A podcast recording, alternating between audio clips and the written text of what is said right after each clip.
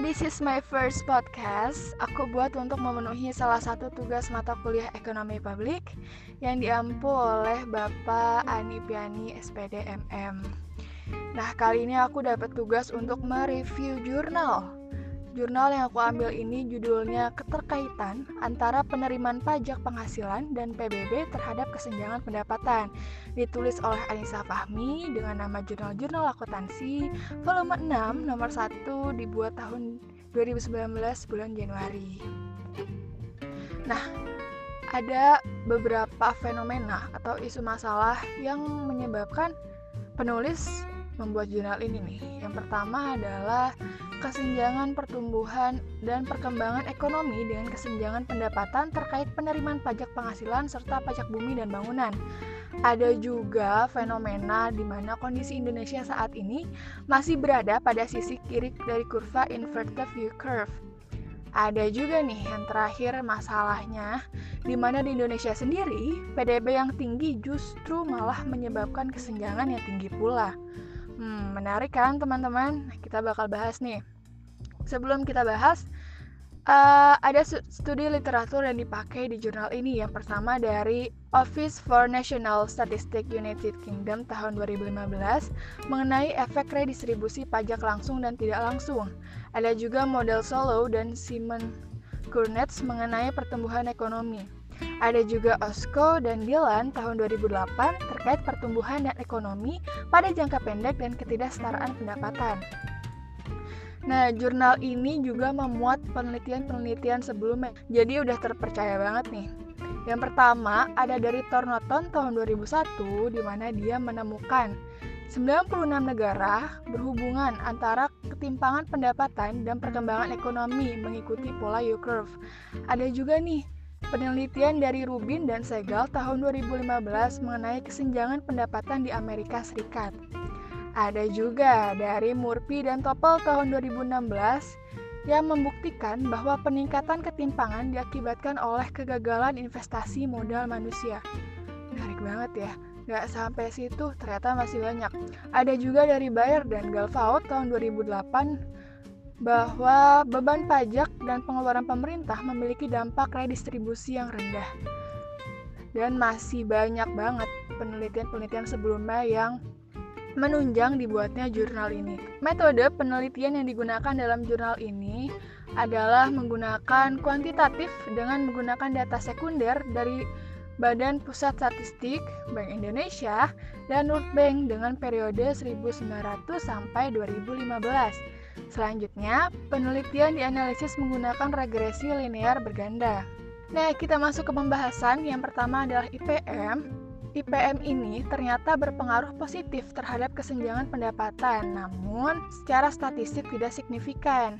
Kenapa sih hal ini terjadi? Karena di Indonesia sendiri, eh, kesenjangan pendapatan diakibatkan oleh kurang optimalnya pemberdayaan UMKM ada juga uh, topik kedua itu terkait pertumbuhan ekonomi, di mana berpengaruh positif terhadap kesenjangan pendapatan. Di mana setiap persen kenaikan pertumbuhan ekonomi, rasio gininya akan meningkat pula sebesar 0,2441 persen dengan asumsi variabel lain konstan.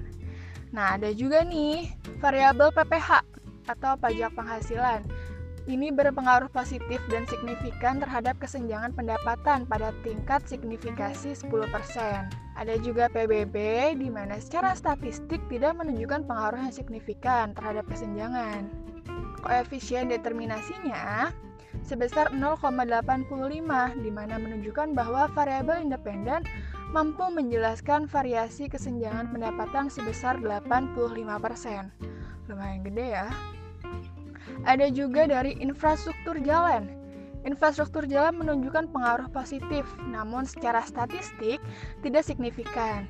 Nah, hal ini terjadi karena infrastruktur jalan kurang menunjang konektivitas antar daerah. Variabel yang terakhir ada jumlah penduduk. Jumlah penduduk berpengaruh positif terhadap kesenjangan pendapatan.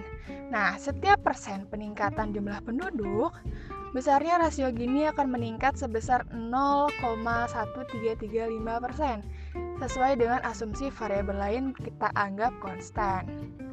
Nah, ada kesimpulan yang udah aku rangkum dari jurnal ini. di mana terdapat tiga variabel terkait kesenjangan pendapatan yaitu PDB, PPH, dan jumlah penduduk. Pengaruh tingginya PDB sejalan dengan tingginya tingkat kesenjangan, sehingga dapat dikatakan bahwa terdapat trade-off antara pertumbuhan ekonomi dan pemerataan pendapatan, serta penerimaan pajak penghasilan berkorelasi positif dengan kesenjangan pendapatan. Ada juga redistribusi pendapatan melalui pajak tidak mampu memperbaiki kondisi kesenjangan pendapatan.